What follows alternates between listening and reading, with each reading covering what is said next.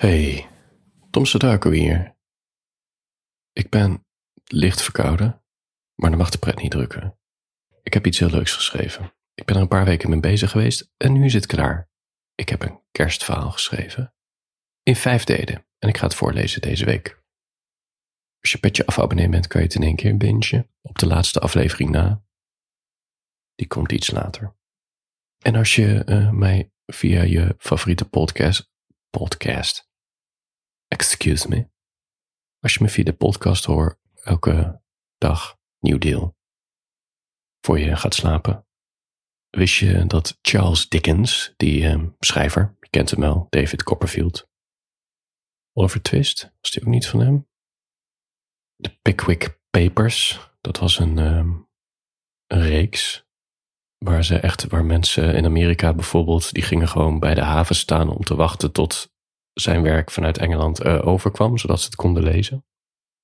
Fascinerend, helemaal fascinerend is dat Charles Dickens heel weinig heeft verdiend aan zijn schrijfwerk. Hij was super populair in de Britstalige landen.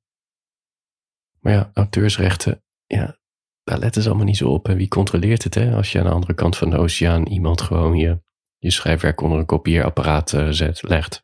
Soort van. Ik weet niet hoe ze het precies deden, maar hij verdiende er geen stuiver aan. Wat Charles Dickens ook deed, uh, is, was elk jaar een kerstverhaal schrijven. Zijn bekendste is natuurlijk A Christmas Carol met Scrooge, maar hij had elk jaar er eentje geschreven, als een soort uh, traditie. Uiteindelijk heeft hij trouwens wel, uh, is hij uiteindelijk wel binnengelopen als schrijver. Aan het einde van zijn leven ging hij lezingen doen door heel Engeland. En dat werd echt massaal bezocht. En daar vroeg hij natuurlijk gewoon geld voor. Nou ja, ik heb nu een, uh, ik heb nu mijn eigen kerstverhaal geschreven. Een somber hitsig kerstverhaal. Het voordeel is, is dat, uh, nou ja, het voordeel. ik ben geen Charles Dickens, I wish. Maar uh, ik wil je even melden dat dit kerstverhaal mede mogelijk gemaakt is door mijn Petje Af abonnees. Dat zijn mensen die me elke maand steunen. En ik stuur elke ochtend een tekstje naar ze, exclusieve podcasts. Ze houden mijn kunst levend, levendig. Dankjewel dit jaar uh, voor jullie steun en aardige woorden. Het doet me heel veel. Als je luistert en denkt, jeetje, ik wil deze man met deze fantastische stem en die fantastische sombere hitsige woorden ook steunen, echt alle kleine beetjes helpen.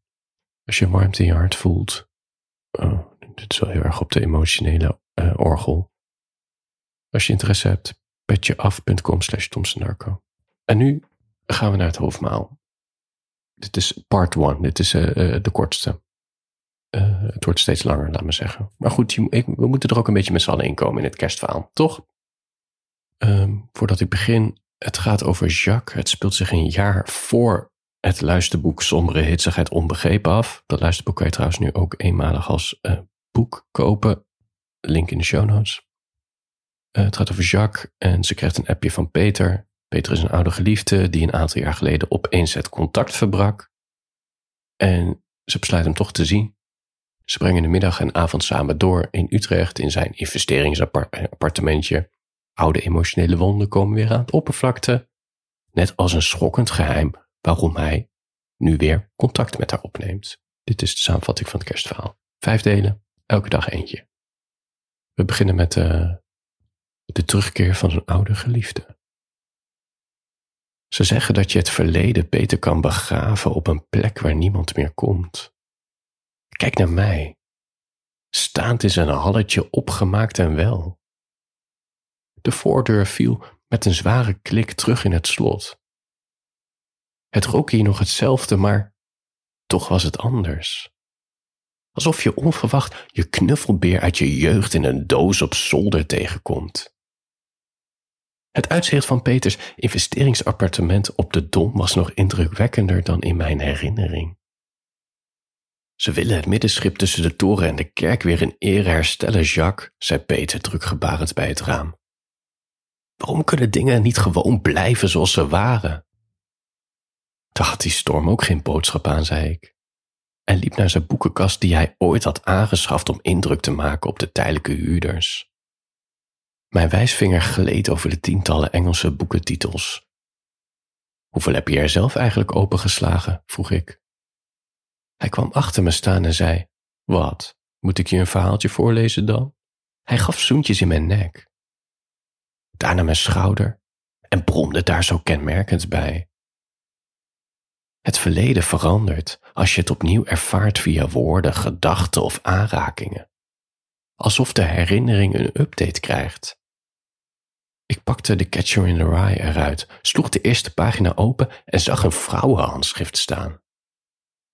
Lieve Peter, op nog meer tijdloze herinneringen stond er.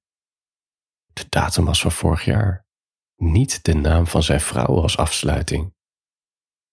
Zijn handen gleden al brommend naar mijn heupen toe, onder mijn billen, en ik sloot het boekje en tegelijkertijd mijn ogen. Daarna pakte hij mijn borsten vast alsof ze dreigden weg te waaien. Mijn lijf was zijn gezoen en aanrakingen nog niet vergeten. Ik legde het boekje terug in de kast en worstelde me uit zijn gekleef. Ik ging op de leuning van zijn bank bij het raam zitten, kijkend naar de toren. Ik heb je gemist, Jacques, zei hij. Zeg nou maar gewoon dat je opgewonden bent en niemand anders meer kent in Utrecht, zei ik. Is dat wat het is? vroeg hij en zette de boeken recht in de kast. Ik geloof echt niets van dat je dat echt meent. Beneden was een winkelstraat. Kerstlampjes als sterrenlicht. Al die bewegende mensen langs de gracht die mij niet zagen. Drie jaar is een lange tijd om een appje te beantwoorden voor iemand die je mist, zei ik. Vervolgens maakte ik voor het raam mijn spijkerbroek los en duwde die met enige moeite over mijn billen heen naar beneden. Alsof het verleden nooit was vertrokken.